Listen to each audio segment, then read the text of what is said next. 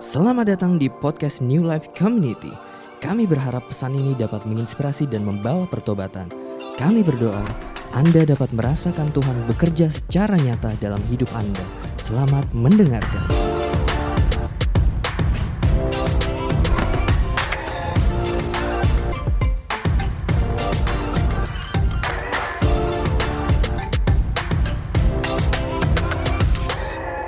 Oke, so uh, tema bulan ini adalah wholesome Christian, uh, yaitu wholesome wholesome Christian nih. Wholesome itu hampir tidak ada bahasa Indonesianya menurut saya ketika saya coba-coba cari what's wholesome gitu kan.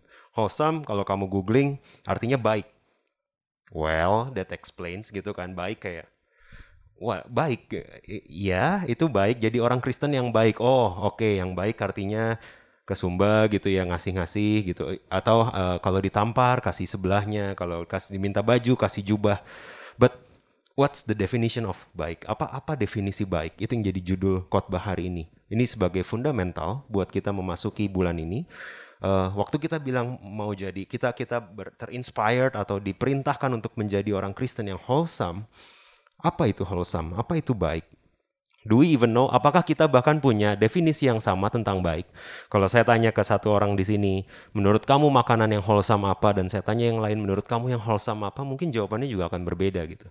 So we have a different uh, ini ya, different uh, perception, different definition atau definisi berbeda tentang baik. Dan ini dimulai, um, ya ini dimulai way uh, di awal di kitab Kejadian kalau kamu ingat di kitab Kejadian awal-awal tuh disebut sama Tuhan waktu Tuhan menciptakan semuanya hari demi hari, zaman demi zaman. Waktu Tuhan melihat ketika selesai dia membuat sesuatu apa yang Tuhan katakan? Dia melihat Allah melihat bahwa semuanya itu baik. Right?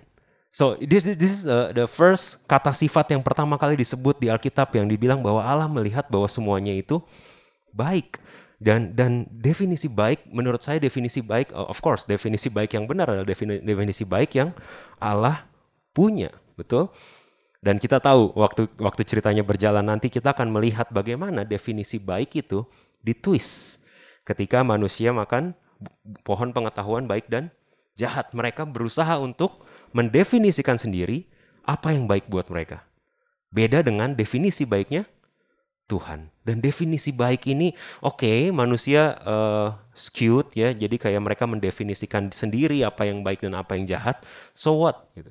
Nah, kita akan melihat berbagai macam impact ketika manusia atau kita mendefinisikan sendiri apa yang baik dan apa yang jahat. Nah, satu hal yang menarik, waktu Tuhan, waktu Allah menciptakan uh, dunia dan kemudian Dia melihat bahwa semuanya itu baik. Satu hal yang saya amati Waktu Tuhan perintahkan manusia, usahakan taman itu, betul? Usahakan taman itu. Rule and subdue the earth. Rule and subdue the beast. Jadi takluk, uh, kuasai bumi dan taklukkanlah itu. Itu perintah Tuhan. Sebelum dosa atau sesudah dosa? Sebelum. Sebelum dosa. So, can you imagine? Bahkan sebelum manusia jatuh dalam dosa, tetap ada kerjaan, tetap ada sesuatu yang harus dibenahi even before manusia jatuh dalam dosa. Padahal Tuhan sebut semuanya baik. Hope you get this ya. Dan kita berpikir, oh uh, nanti kalau di Taman Eden dulu duduk-duduk doang nyanyi-nyanyi gitu kan. Actually Tuhan perintahkan manusia untuk kuasai bumi dan taklukkanlah sebelum jatuh dalam dosa. So Tuhan bilang semuanya baik, tapi baik di kepalanya Tuhan mungkin definisinya agak berbeda sama kita. Definisi baik kita adalah financial freedom gitu kan. Duduk-duduk ngupil-ngupil gitu ya, dapat uang gitu kan, nggak usah kerja-kerja gitu kan ya. Tapi Tuhan bilang bahkan semuanya itu baik even before manusia itu dalam dosa, even before bumi ini ditaklukkan dan dikuasai oleh gambar dia, gambar Allah kan. Bahkan Tuhan bilang semuanya itu baik. Manusia belum punya pencapaian besar waktu itu. Baju juga belum ada gitu ya boro-boro tools gitu ya, belum ada. Taman masih perlu dirawat, binatang belum disabdu, bumi belum di conquer, belum disabdu. Bahkan sebelum semuanya ini disabdu dan di rule, Tuhan bilang semuanya baik. So what? So that got me thinking. Jangan-jangan segala sesuatu yang baik Kenapa disebut baik di Taman Eden? Kenapa segala sesuatu disebut baik di kitab Kejadian? Itu bukan karena kondisi tamannya sempurna, Tapi karena Tuhan ada di sana. Kalau nggak ada tamannya, tapi ada Tuhannya, jangan-jangan tetap baik. Halo. Kalau padang belantara, kalau kalau the valley of the dead, kalau itu wilderness, padang gurun, tapi ada Tuhannya, jangan-jangan tetap baik. Got it? Tamannya nggak sempurna, tapi kenapa Tuhan bilang semuanya baik? Karena ada presence of God di sana. Well, see, definisi baik yang sangat berbeda sama yang kita punya hari-hari ini. Ketika Tuhan bilang itu baik karena Adam kapan pun bisa datang ke Tuhan, Tuhan bisa berjalan-jalan di taman dan nyariin Adam. That is a good state. Bukan karena Adamnya uh, obey, karena Adamnya punya achievement besar, udah namain 80% binatang dengan 20% effort gitu ya. Enggak, enggak. Itu bukan karena pencapaian Adam, tapi karena Tuhan ada di sana, maka Tuhan memanggil semuanya baik. Sih? Karena ada Tuhan di sana, segala sesuatu baik karena ada Tuhan di sana. So kita bisa lihat dengan definisi baik, ketika Tuhan bilang Allah melihat semuanya baik, definisi baik menentukan apa yang membuat kita merasa cukup. So, uh, bahasa Inggrisnya lebih gampang. Bahasa Inggrisnya cukup adalah uh, how can you feel good enough? Gimana cara kamu merasa good enough? Kalau definisi good kamu berbeda sama definisi goodnya Tuhan. I hope you get this. Kamu nggak pernah ngerasa good enough karena apa yang Tuhan sudah sebut baik, kamu sebut tidak cukup baik. Right? Ketika definisi baik kita berbeda, kita nggak pernah ngerasa good enough. So, definisi baik menentukan apa yang membuat kita merasa this is enough. God is enough. This is good enough. Oke? Okay? Kedua, definisi baik menentukan apa yang membuat manusia merasa berharga. Apa yang membuat dia merasa worthy, apa yang membuat dia merasa valuable itu tergantung apa yang dia nilai sebagai sesuatu yang baik. Ketika Adam melihat bahwa hidup bersama Tuhan di taman yang berantakan ini adalah sesuatu yang baik, dia merasa berharga. Bukan karena tamannya sudah rapi, tapi karena dia hidup bersama Tuhan penciptanya di situ. Definisi baik menentukan apa yang dikejar dan dikerjakan manusia selama hidupnya. Definisi baik, how do you define good, menentukan apa yang kamu kejar dan bagaimana kamu mengejarnya. Itu definisi baik. So, we see balik ke sebelum uh, iblis, sebelum kejatuhan dalam dosa. Yahweh so good. God is so good. Sehingga Adam dan Hawa dalam kondisi I am enough. Right? Karena ada Tuhan. I have hope. Meskipun saya nggak tahu caranya gimana, meskipun dunia ini begitu besar dan kita cuma berdua, mungkin ya buat mereka, but we have hope because we have God, right? And God is good. God so good. So I am enough. I have hope. I know who I am. Saya tahu siapa saya. Saya adalah gambar Allah, imago Dei, yang di, diciptakan Tuhan untuk sebuah tugas dan fungsi tertentu. So, this is the state. This is the original state. Sebelum jatuh dalam dosa, I am enough. I have hope. I know who I am. Ada satu buku yang sangat menarik uh, yang saya baca, Seculosity judulnya. Di situ disebut bahwa sadar atau nggak sadar, um, di di zaman-zaman sekarang uh, banyak orang nggak lagi ke gereja betul di, di di di negara maju ya terutama. Banyak nggak lagi ke gereja tapi bukan berarti orang-orang itu tidak beragama menurut dia. Justru more than ever orang-orang semakin beragama sekarang. Beragama you know bukan agama Kristen Konghucu uh, Muslim dan lain sebagainya tapi beragama. Beragama kalau didefinisikan agama adalah sesuatu yang membuat kita bisa bilang I am enough. Agama, hubungan dengan Tuhan adalah sesuatu yang bilang kita punya harapan. Agama adalah sesuatu yang memberikan identitas I know who I am. Karena ada hubungan sama Tuhan, betul? Dan di buku Seculosity ditulis bahwa, hey, hari-hari ini bukan orang tidak beragama, it's just there are some new religion. Ada agama-agama baru. Ada agama yang namanya karir atau performance, dia bilang. And that's very good, I think. Karena karir ini membuat beberapa orang merasa enough. I am good enough kalau karir saya ada di situ. I am good enough kalau valuation saya di situ. I am good enough kalau bisnis saya sebesar itu. I am enough if my career is at that level. On the other hand, saya punya harapan kalau saya udah masuk ke tempat kerja itu. Saya punya harapan kalau kalau saya sudah uh, punya bisnis A. Saya punya harapan kalau saya punya network seperti ini. So, this ada ada ada agama baru yang namanya karir yang membuat orang merasa enough, menjadi sumber pengharapan, yang menjadi sumber identitas. Right? Dan mulai menjadi sumber identitas. Buat buat orang-orang yang lain lagi selain karir. Ada romance. romance being overblown di mana-mana di semua media. Dia I am enough kalau pasangan saya, kalau saya punya pasangan. I am enough kalau saya sudah menikah. I am enough kalau pernikahan saya seindah ini. I am enough kalau resepsi pernikahan saya seindah ini. I am enough kalau keluarga saya, rumah tangga saya se, se stable ini. So I am enough. I have hope. Saya punya harapan kalau someday saya udah punya pacar. I have hope kalau someday saya udah menikah. I have hope kalau pasangan saya sama baiknya sama X. So so whether you are enough, whether you have hope, who you are itu digantungkan sama this romance as the new religion. Oke. Okay? On the other hand, ada lagi parenting. At some point parenting, how do you feel enough kalau saya sudah jadi dadfluencer, saya jadi momfluencer for example. How do you feel enough kalau saya sudah punya anak dan anaknya sudah uh, I don't know dua dan satu laki satu wanita. I am enough, I have hope. Ada yang meneruskan keluarga saya. Saya saya sempat bilang ke saya cerita ke satu teman saya bahwa uh, we are expecting uh, in a few months dan uh, dia bilang kayak sebagai uh, Cina yang sangat um, sebagai orang Cina yang sangat tradisional, wah, I think itu ini ya apa namanya udah deh. Kayak your your life is, is full circle, complete gitu anak lu cowok. Kayak, yaudah ini kan gue sebagai Cina tradisional gue merasa kayak lu udah komplit gitu kan kayak you are enough kalau punya anak dan anaknya cowok. Itu requirement yang sangat besar sekali bukan? I mean bukankah setiap kamu Cynthia, some people asking you kayak kapan nikah? Kapan punya anak? As if if you are not a parent, right? Bener gak? If you are not a parent, if you do not find that true romance, if you do not have kid, kalau kamu nggak punya anak, kalau nggak kalau kamu nggak nikah, you are not enough.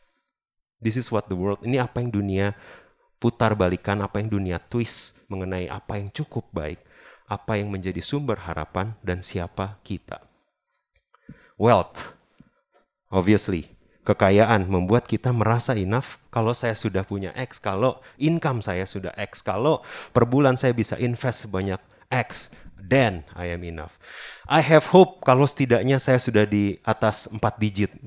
You know, kayak orang-orang, ah 4 digit tuh apa maksudnya gitu ya. Kayak I have hope kalau penghasilan saya segini. I am enough kalau penghasilan saya segini.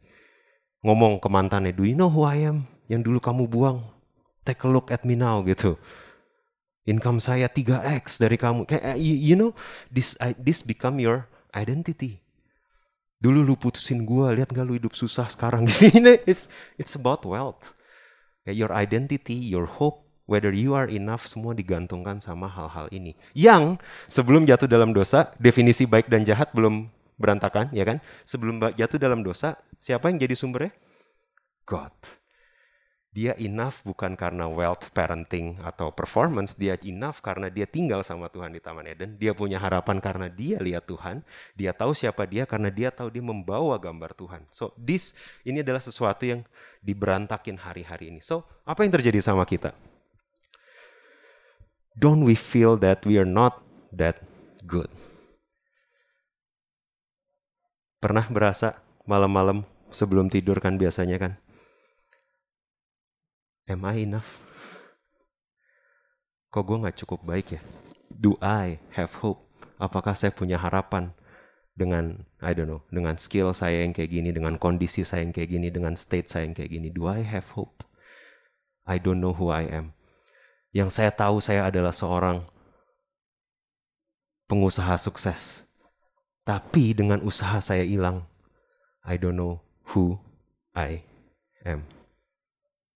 So, ketika manusia mencoba menggantungkan kecukupan, harapan, dan identitasnya sama anything selain Tuhan, we are setting ourselves up for a big disappointment.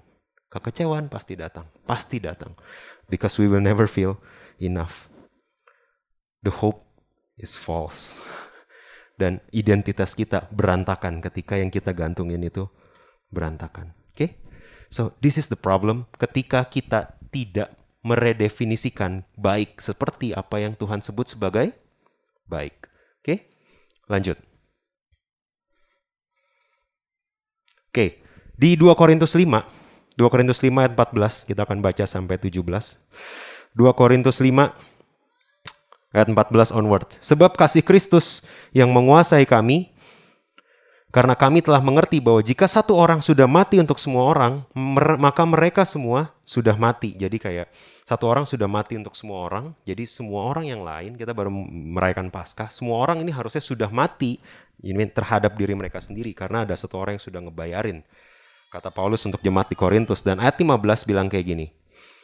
Dan Kristus telah mati untuk semua orang supaya mereka yang hidup, kamu dan saya, tidak lagi hidup untuk dirinya sendiri, tetapi untuk dia yang telah mati dan telah dibangkitkan untuk mereka. Jadi kita hidup bukan lagi untuk diri kita sendiri, tapi hidup untuk Kristus yang sudah mati dan sudah dibangkitkan. Apa yang lagi Paulus katakan, in a way, saya melihatnya bahwa apa yang sebelumnya ya, manusia yang lama yang mati itu artinya apa yang sebelumnya kamu lihat sebagai sesuatu yang baik, sekarang tidak lagi baik. Exactly, karena Paulus yang sama bilang apa? Apa yang dulu kuanggap keuntungan, hari ini kuanggap sampah. Karena dia sudah ngelihat Tuhan, sumber hope yang lebih asli, sumber good enough yang lebih asli dan sumber identitas yang lebih asli dari apa yang dia punya. Got it? Jadi dia bilang um, tidak lagi hidup untuk dirinya sendiri tetapi untuk dia yang telah mati yang dibangkitkan untuk mereka. So, the first point meredefinisikan baik menentukan apa yang membuat kita merasa cukup. Oke, yang pertama, kalau baik definisi baik kita berantakan, kita nggak akan pernah merasa cukup baik. Itu yang pertama. Karena baik menentukan apa yang membuat kita merasa cukup. Nah, ketika kita salah mendefinisikan baik dalam kehidupan kamu, apa yang baik? Kamu keadaannya gimana? Baik nggak? Nggak baik nih. Penghasilan gue segitu-segitu aja. Yang lain kan udah pada maju. You know, ketika kamu tidak bisa mendefinisikan baik sesuai apa yang Tuhan definisikan, kita akan mulai melihat kegagalan dan kesalahan sebagai sesuatu yang hindering us kegagalan dan kesalahan kita melihat sebagai it's a setback. I'm unworthy, gue nggak worthy, man. Gue nggak valuable. I, I'm I'm very glad kalau kamu yang belum terlibat di home, you are missing a lot. Di home ada beberapa teman-teman yang share bahwa mereka humbled dengan apa yang Tuhan izinkan. Saya pernah share bahwa saya drain. That's it. Saya nggak ngomong lebih jauh. I'm drain. I, I just say that uh, secara open. I, I love the vulnerability yang ada di di home di NLC. Tapi kayak we we don't see it kita tidak melihat kegagalan setback atas sebagai sebuah kegagalan. You are kamu nggak lebih berharga karena kamu jarang bikin kesalahan. Kamu berharga karena Tuhan kamu, bukan karena kamu salah apa enggak. Sih, jadi ketika kita melihat oh yang baik karirnya itu naik terus dan tidak turun jadi kepala dan bukan ekor di brainwash kan dari kecil kayak gitu kan. Sehingga setiap kali kamu ada kegagalan, ada kesalahan, losing clients, dimarahin stakeholders, kamu berpikir I am unworthy. And I don't deserve rest. Gue harus kerja lebih keras. Gue harus belajar lebih banyak. Because you think kegagalan dan kesalahan adalah sebuah setback. While it's not true. Romance, kekurangan pasangan sebagai sesuatu yang gak bisa kamu merasa cukup. Kenapa sih pasangan gue gak bisa kayak ngertiin ekspektasi dan maunya gue? Then for the rest of your life you never feel enough. Right? guess what? Kamu nggak bisa, there's nobody's perfect, kata JCJ. Anyway, kamu nggak nobody's perfect. Kalau kamu memutuskan hidup sama seseorang, kamu memutuskan untuk menikah dan lain sebagainya, you will see some kekurangan gitu. Kekurangan pasangan kamu pasti ada di sana. Apakah artinya ah, it's not good enough? Cari yang lain gitu. no kan? I don't deserve rest karena pasangan gue bodoh gitu. No, no, that's not true. Oke, okay? ketika definisi baik kita berantakan, maka ini juga berantakan. Parenting. What if kamu menemukan, I don't know, beberapa di antara kita sudah punya anak dan anak kamu mungkin dibanding comparing sama yang lain, it's not smart enough, it's not fast enough or, or anything. Are you unworthy? Atau anakmu unworthy karena itu? No, it depends on what you define as good. Oke? Okay? Oke? Oke, sebagai kekayaan. Oh, pendapatan saya lebih kecil dibanding yang lain. Dan saya generasi sandwich. Mulai marah-marah nggak? Coba bokap nyokap gue bisa hidup sendiri. Gue bisa nih nabung nih. Mulai, ya kan? Masukkan tuh. Aduh, coba gue nggak usah bayarin. Lebih banyak nih tabungan gue nih by now.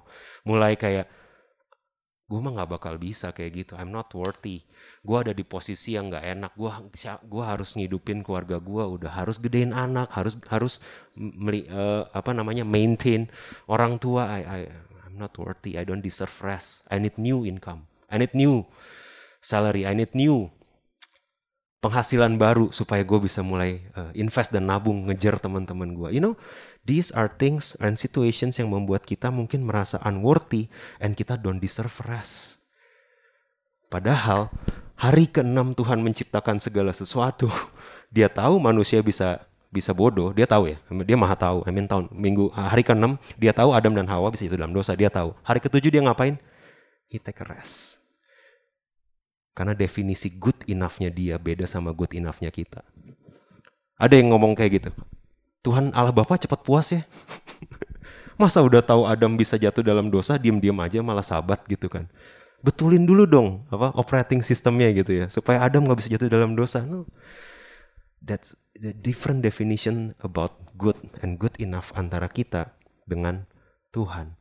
So the the first point is this, orang Kristen yang utuh atau wholesome, orang Kristen yang utuh dapat bersyukur dan beristirahat bukan karena kerjaannya paling bagus, bukan karena apartemennya paling gede, bukan karena mobilnya paling mahal. Mereka dapat bersyukur dan beristirahat karena mereka melakukan segala sesuatu dengan Tuhan, definisi baik, dan untuk Tuhan. So it doesn't matter. Yang satu kayak comparing, di compare kok lebih sukses, di compare kok lebih tinggi uh, brand value-nya, di compare kok penghasilannya lebih tinggi. Kalau di LinkedIn dilihat kok posisinya beda banget. It doesn't matter. Orang Kristen yang utuh dapat bersyukur dan dapat beristirahat karena mereka melakukan dengan Tuhan dan untuk Tuhan. That's the definition of good. Oke? Okay? Dapat bersyukur dan dapat beristirahat. Eh, eh, jalan-jalan bukan berarti beristirahat.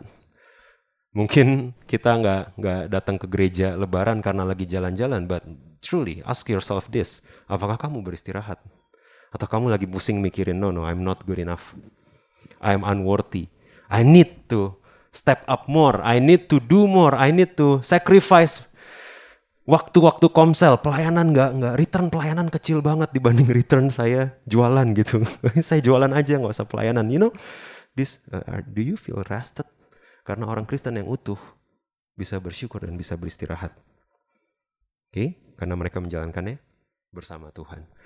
Kita lanjut 2 Korintus 5 ayat 16 Sebab itu kami tidak lagi menilai seorang juga pun menurut ukuran manusia Paulus lagi bilang ada OKR, ada KPI berbeda nih, yang dia udah tahu. Dan jika kami pernah menilai Kristus menurut ukuran manusia, sekarang kami tidak lagi menilainya demikian. Interesting, karena menurut ukuran manusia, rabi ini nggak pinter-pinter amat gitu ya. Sebagai rabi cuma tiga tahun, cuma 12 pengikutnya, yang satu betray. Eh, come on. Secara value dan secara matrix ini nggak nggak masuk nih gitu kan ya. Sebagai insurgent, sebagai pemberontak kalau kamu ingat, peasant, elite, sama Roman. Sebagai pemberontak sukses nggak? Nggak sukses-sukses amat. Udah bisa bacok, disambungin lagi kupingnya gitu kan. Kayak menurut ukuran manusia, Kristus ini nggak nggak keren-keren amat. Kamu bandingin Alexander the Great yang mati di umur yang sama, kayak kayak pencapaian Yesus kayak kalau ada LinkedIn-nya atau ada followersnya mungkin banyak kan followers Alexander the Great gitu. Jesus nggak pernah bilang dia the Great, the servant king gitu sebutnya king tapi servant gitu gimana gitu kan. Tapi you know, kami tidak lagi menilai Kristus menurut ukuran manusia. So, my point adalah definisi baik menentukan apa yang membuat kita merasa berharga, apa yang membuat kamu merasa worthy, apa yang membuat kamu merasa valuable itu ditentukan sama definisi baiknya kamu. Oke? Okay? You've been hearing this dan ini ayat yang paling uh, me, me, men, ini ayat dengan demand yang paling tinggi. Kalau kita mendefinisikan baik menurut baiknya kita. Matius 6, 5 ayat 48 bilang apa? Karena itu haruslah kamu sempurna sama seperti Bapamu yang di sorga adalah sempurna. Wow, nggak bisa lebih demanding apa dari ini gitu kan ya. Ayat ini sangat demanding, sangat demanding kalau kita pakai kacamata sempurna dari kacamata kita. Jangan-jangan Tuhan nggak mungkin dong ngasih perintah yang dia yang kita tidak nggak bisa penuhi, bener gak? Iya dong, dia pasti memperlengkapi kita atau dia pasti atau kita salah mengartikan komen tersebut. Nah, ketika komennya adalah hendaklah kamu sempurna sama seperti Bapamu yang di sorga adalah sempurna. The main question adalah what is the definition of perfect?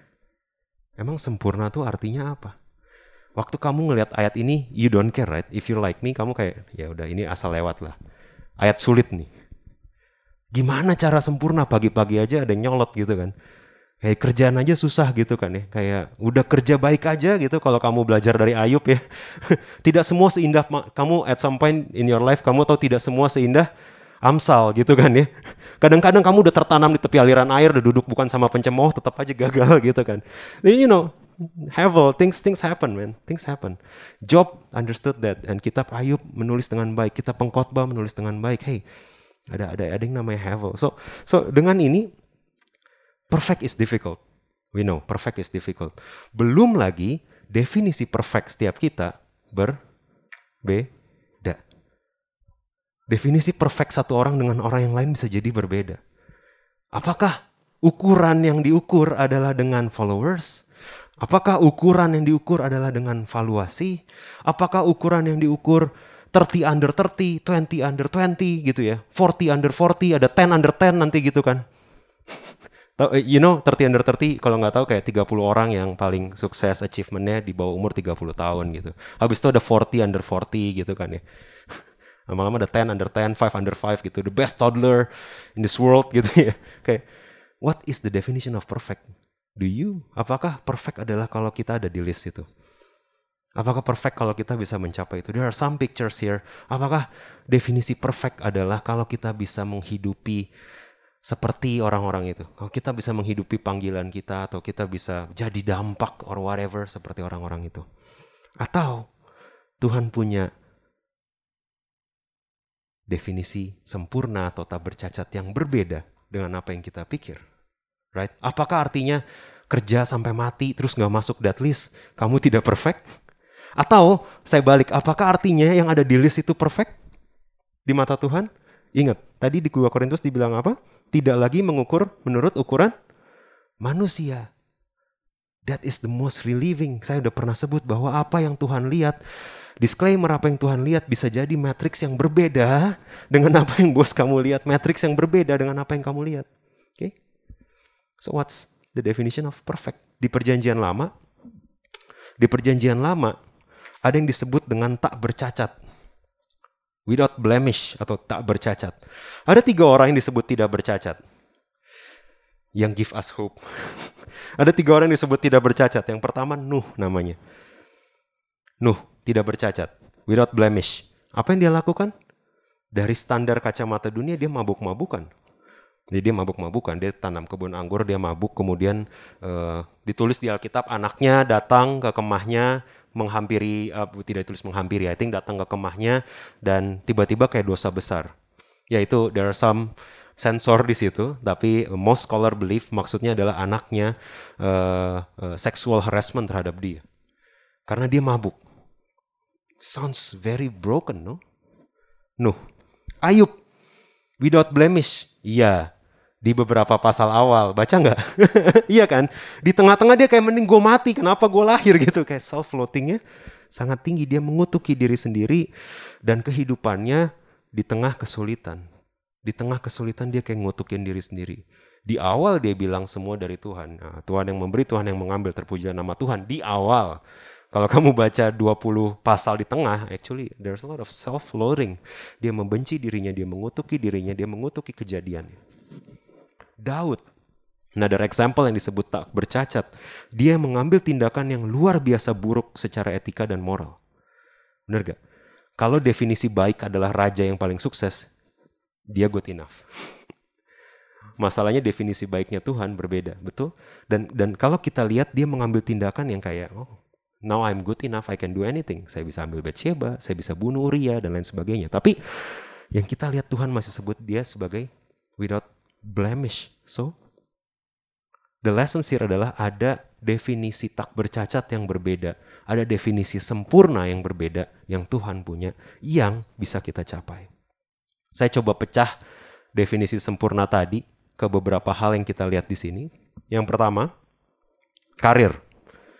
Mungkin definisi baik atau cukup baik atau sempurna buat kita adalah naik ke kasta tertinggi di corporate, punya brand valuation paling tinggi atau punya business valuation paling tinggi. Mungkin this is how we define, this is how the world teach us to define good enough.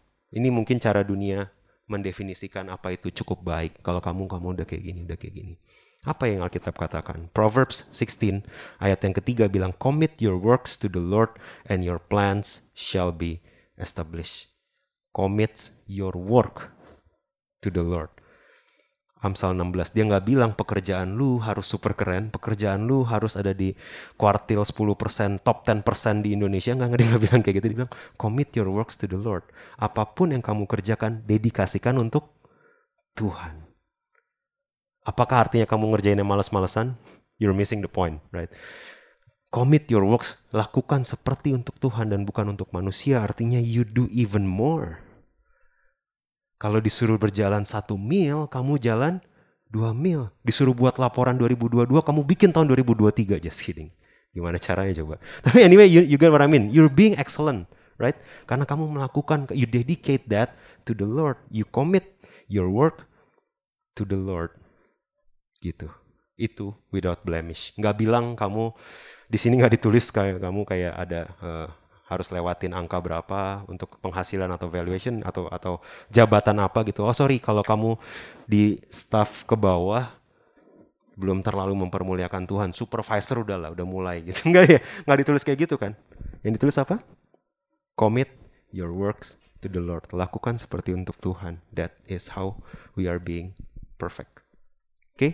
Romance membangun the happiest ever after family dengan pernikahan yang sempurna.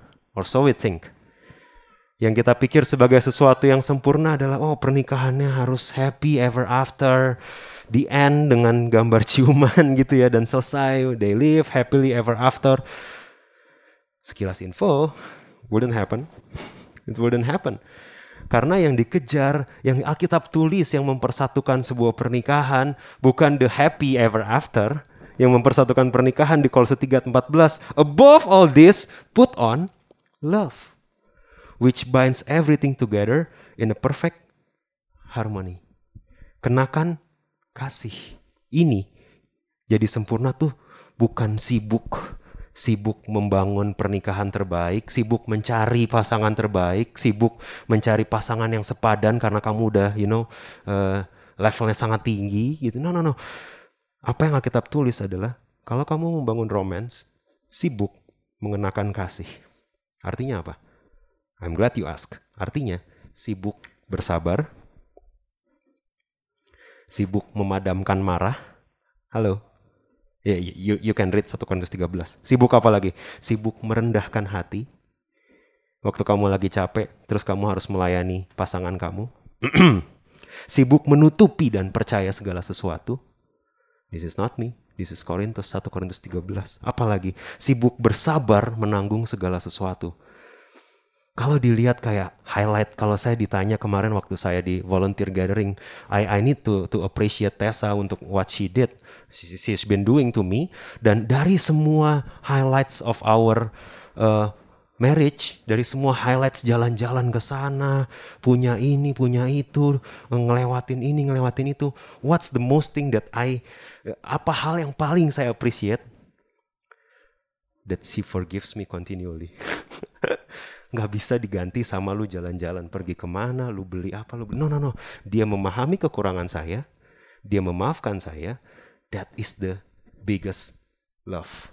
Put on love itu lebih penting daripada apa yang kamu expect sebagai happiest ever after marriage. Ini bekal buat kamu yang belum menikah, buat kamu yang baru menikah, buat kamu yang baru punya anak. Oh, no, put on love. Kalau setiga 14, put on love which binds everything together in the perfect harmony. So sibuklah mengejar kesabaran, sibuklah mengejar memadamkan marah, sibuklah merendahkan hati. This is how you are being perfect as a husband, as a wife. Very good. Saya tahu ini, I hope ini jadi bekal buat teman-teman yang single juga. Sibuklah mengenakan kasih ke semua orang. That is how you prepare yourself masuk ke marriage. Oke? Okay? Parenting, menjadi orang tua yang paling berdampak dengan anak yang sempurna. Is that what we want? Karena Alkitab Proverbs 22 menulis, Train up a child in the way he should go. Even when he is old, he will not depart from it. Latihlah anakmu dengan instruksi yang dari Tuhan. So jangan sibuk mungkin dengan ini, dengan itu. Ada banyak hal yang membuat kita sibuk, sibuk as a parent atau a parent will be. But one thing, even kamu yang belum jadi parent, one thing, what's important, what's perfect in the eyes of God as a parent. Nih, train up a child in the way he should go. Atau di ayat lain dibilang, latih anakmu sesuai dengan instruksinya Allah. Sesuai dengan instruksinya Tuhan. That is perfect. So I would say, orang Kristen yang utuh bersikap dewasa, dan berfungsi sesuai desainnya di setiap area kehidupan mereka. Bersikap dewasa dan berfungsi. Saya nggak bilang sinless. Sempurna bukan tanpa dosa. Setiap kita berdosa. Eh, flash, oh ini ya, news flash. Tapi orang yang utuh bersikap dewasa artinya ketika dia salah, he, he, dia berusaha merestorasi hubungan-hubungan yang rusak, baik dengan Tuhan maupun dengan sesama. Eh, Gua salah tadi gue marah-marah. I'm so sorry. I'm panic. I was panic. Itu bersikap dewasa artinya you uh, you acknowledge being accountable of your feeling, of your response, itu bersikap dewasa dan itu yang disebut sempurna. Oke, okay? berfungsi sesuai desainnya di setiap area kehidupan mereka. Do you know kamu didesain bukan cuma jadi uh, pekerja, kamu didesain bukan cuma jadi akuntan, kamu didesain bukan cuma jadi HR, jadi arsitek, jadi dokter, jadi marketer. No, kamu didesain sebagai suami, kamu didesain sebagai istri juga, kamu didesain sebagai anak. Kamu didesain sebagai orang tua, kamu didesain sebagai teman, sebagai sahabat, sebagai ketua komsel. Kamu didesain dengan banyak panggilan. So jangan puas kalau kamu juga kalau kamu cuma mengejar salah satu. Very good. Berfungsi sesuai desain Allah di setiap area kehidupan mereka. Oke. Okay? Lanjut. Ayat 17. 2 Korintus 5 ayat 17. Jadi siapa yang ada dalam Kristus, ia adalah ciptaan baru, yang lama sudah berlalu, sesungguhnya yang baru sudah datang. Yang lama sudah berlalu, yang baru sudah datang. So, nge-redefine yang ketiga, Definisi baik menentukan apa yang kita kejar dan bagaimana kita mengejarnya. Right? Apa yang kamu definisikan sebagai baik menentukan kamu capek-capek tuh ngapain sih? Apa yang kamu lakukan tiap hari itu didefinisikan apa yang kamu lihat atau yang kamu anggap sebagai baik. I come up with this uh, thinking framework atau atau kerangka berpikir. Saya mulai berpikir, oke, okay, ada nggak ya uh, apa ya yang yang mudah diingat dan mudah dipahami mengenai how we see lives sebagai orang Kristen yang utuh, sebagai orang Kristen yang wholesome. Dan ada satu hal yang saya amati, ini adalah value dunia. Oke, okay? saya saya baca ini value dunia. Apa yang dunia nilai dari kita? Dunia menilai nomor satu what you have, betul. Apa yang kamu punya? Berapa banyak followers kamu? Berapa besar bisnis kamu? Berapa tinggi jabatan kamu yang kamu punya? Berapa besar rumah kamu? Berapa banyak aset kamu? So, what makes you valuable is what you have. Ke satu. Oke, okay? baru setelah itu what you do. Ya nggak apa-apa lah dia ya sukses banget gitu kan. The have, crazy rich gitu kan dia ngapain? Ya nggak tahu. Pokoknya dia crazy rich dan dia keren banget. Gue inspired banget sama dia. I mean you hear that a lot no? So what you have lebih matters dari what you do. Dan what you do lebih matters dari how you do things. Iya gak ini nilai dunia. What you do lebih matters daripada kamu gimana ngerjain nih Ya kamu nggak peduli ada, I mean come on, dunia tidak menghargai kalau ada staff yang bekerja jujur setiap hari, datang lebih pagi, pulang lebih akhir. Dan sangat excellent dan tiap hari ngecek bikin checklist sendiri, we don't celebrate that. we celebrate CEOs and owners, no? Because what you do lebih matters dari how you do things buat dunia. Hmm, halo. Dan itu membuat kita merasa nggak enough. Iya, gue udah ngerjain dengan integritas, tapi gereja gue sepi. Gue udah ngerjain dengan integritas, tapi gue nggak dipromot-promot. Gue masih cuma staff. Gue udah kerja keras, tapi gue gini-gini aja. Gue nggak punya lebih banyak dari yang sepantaran gue. So, kita mulai di brainwash sama dunia As what you have lebih matters dari what you do. What you do lebih matters dari how you do things. Interestingly, how you do things lebih matters dari who you are. Jadi lu siapa nggak penting, yang penting dia sekarang udah jabatannya tinggi, dia udah company-nya banyak. Who you are nggak penting, dia kayak oh dia tapi uh, I cannot say it uh, di recording. Nggak penting tapi dia kaya banget gitu, dia sukses banget gitu kan. Kayak who you are itu identitasmu tuh nggak nggak nggak apa-apa. Yang penting what you do itu yang membuat lu valuable. Hah? Percuma lu ke gereja, kerjaan lu masih itu-itu doang. Ya kan? Ya kan? Karena they, they value apa? What you do more than who you are. Apalagi who he is. Siapa Tuhan ya? Terserah lah itu ya. Agama urusan masing-masing betul. Yang penting dia punya apa di sini. I mean this is how the world see things. PS, you'll never feel good enough dengan kerangka berpikir kayak gini. You will never feel good enough. Kayak you'll never feel good enough. Kamu nggak pernah ngerasa cukup, kamu nggak pernah bisa rest, kamu nggak pernah bisa merasa utuh, dan kamu selalu berpikir, I do not have enough. I do not do things enough. I need to learn more. Karena what you have, what you do, how you do things give me identity of who I am. Gua tuh cuma, ya gua nggak bisa lah jadi berkat. Gua aja nggak dipromot-promot. Why? What you do is not who you are, right?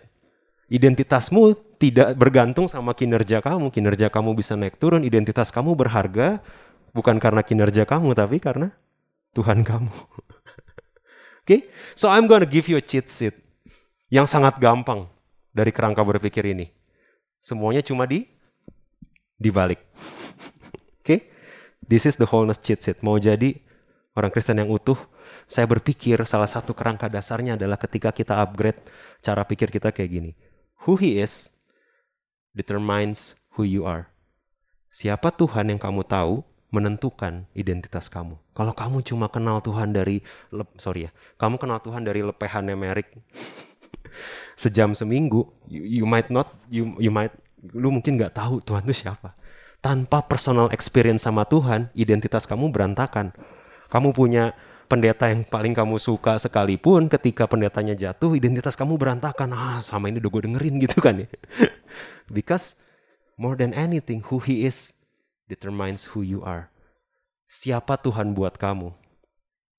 Bagaimana kamu mengalami Tuhan, itu menentukan identitas kamu dan bagaimana kamu melihat diri kamu. Dan who you are determines how you do things. Bener gak?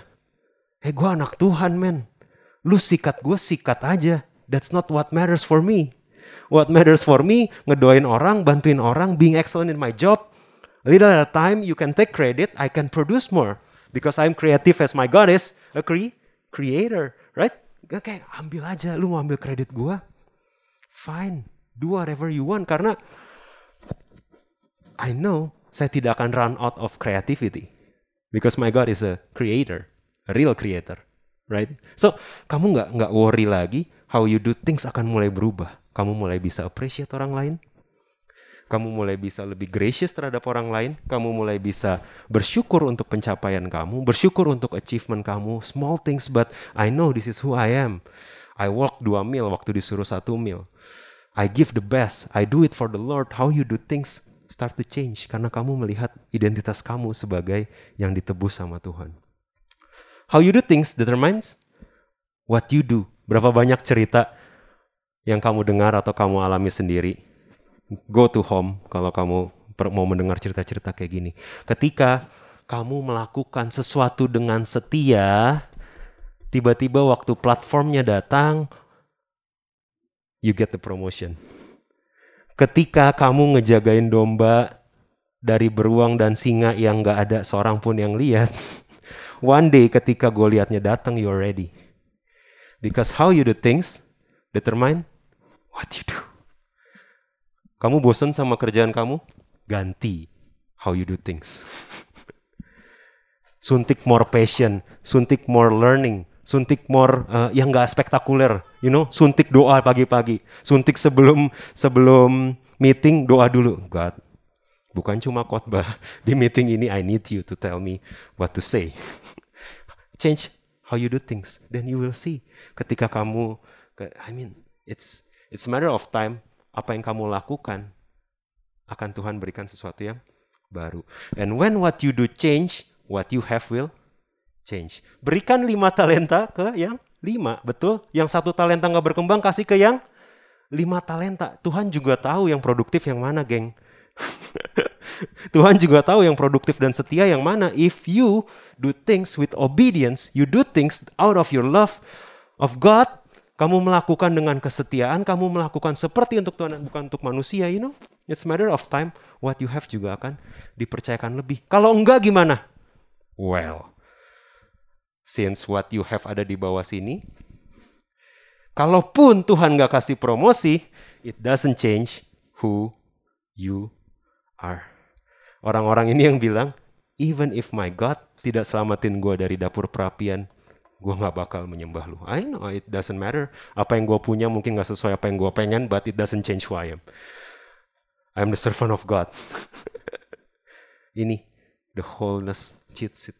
Mau jadi Kristen yang utuh, know who you are itu yang lebih penting.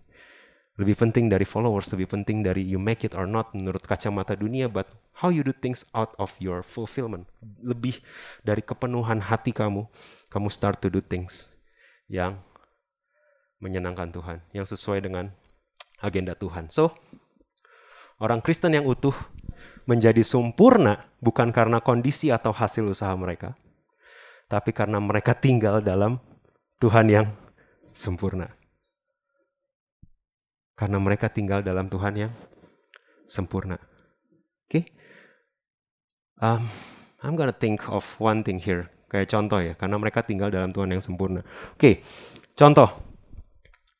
Uh, ketika kamu di jalan, ya, saya saya mulai merasakan ya. Saya saya ada satu mobil Toyota dan ada satu mobil Eropa gitu ya.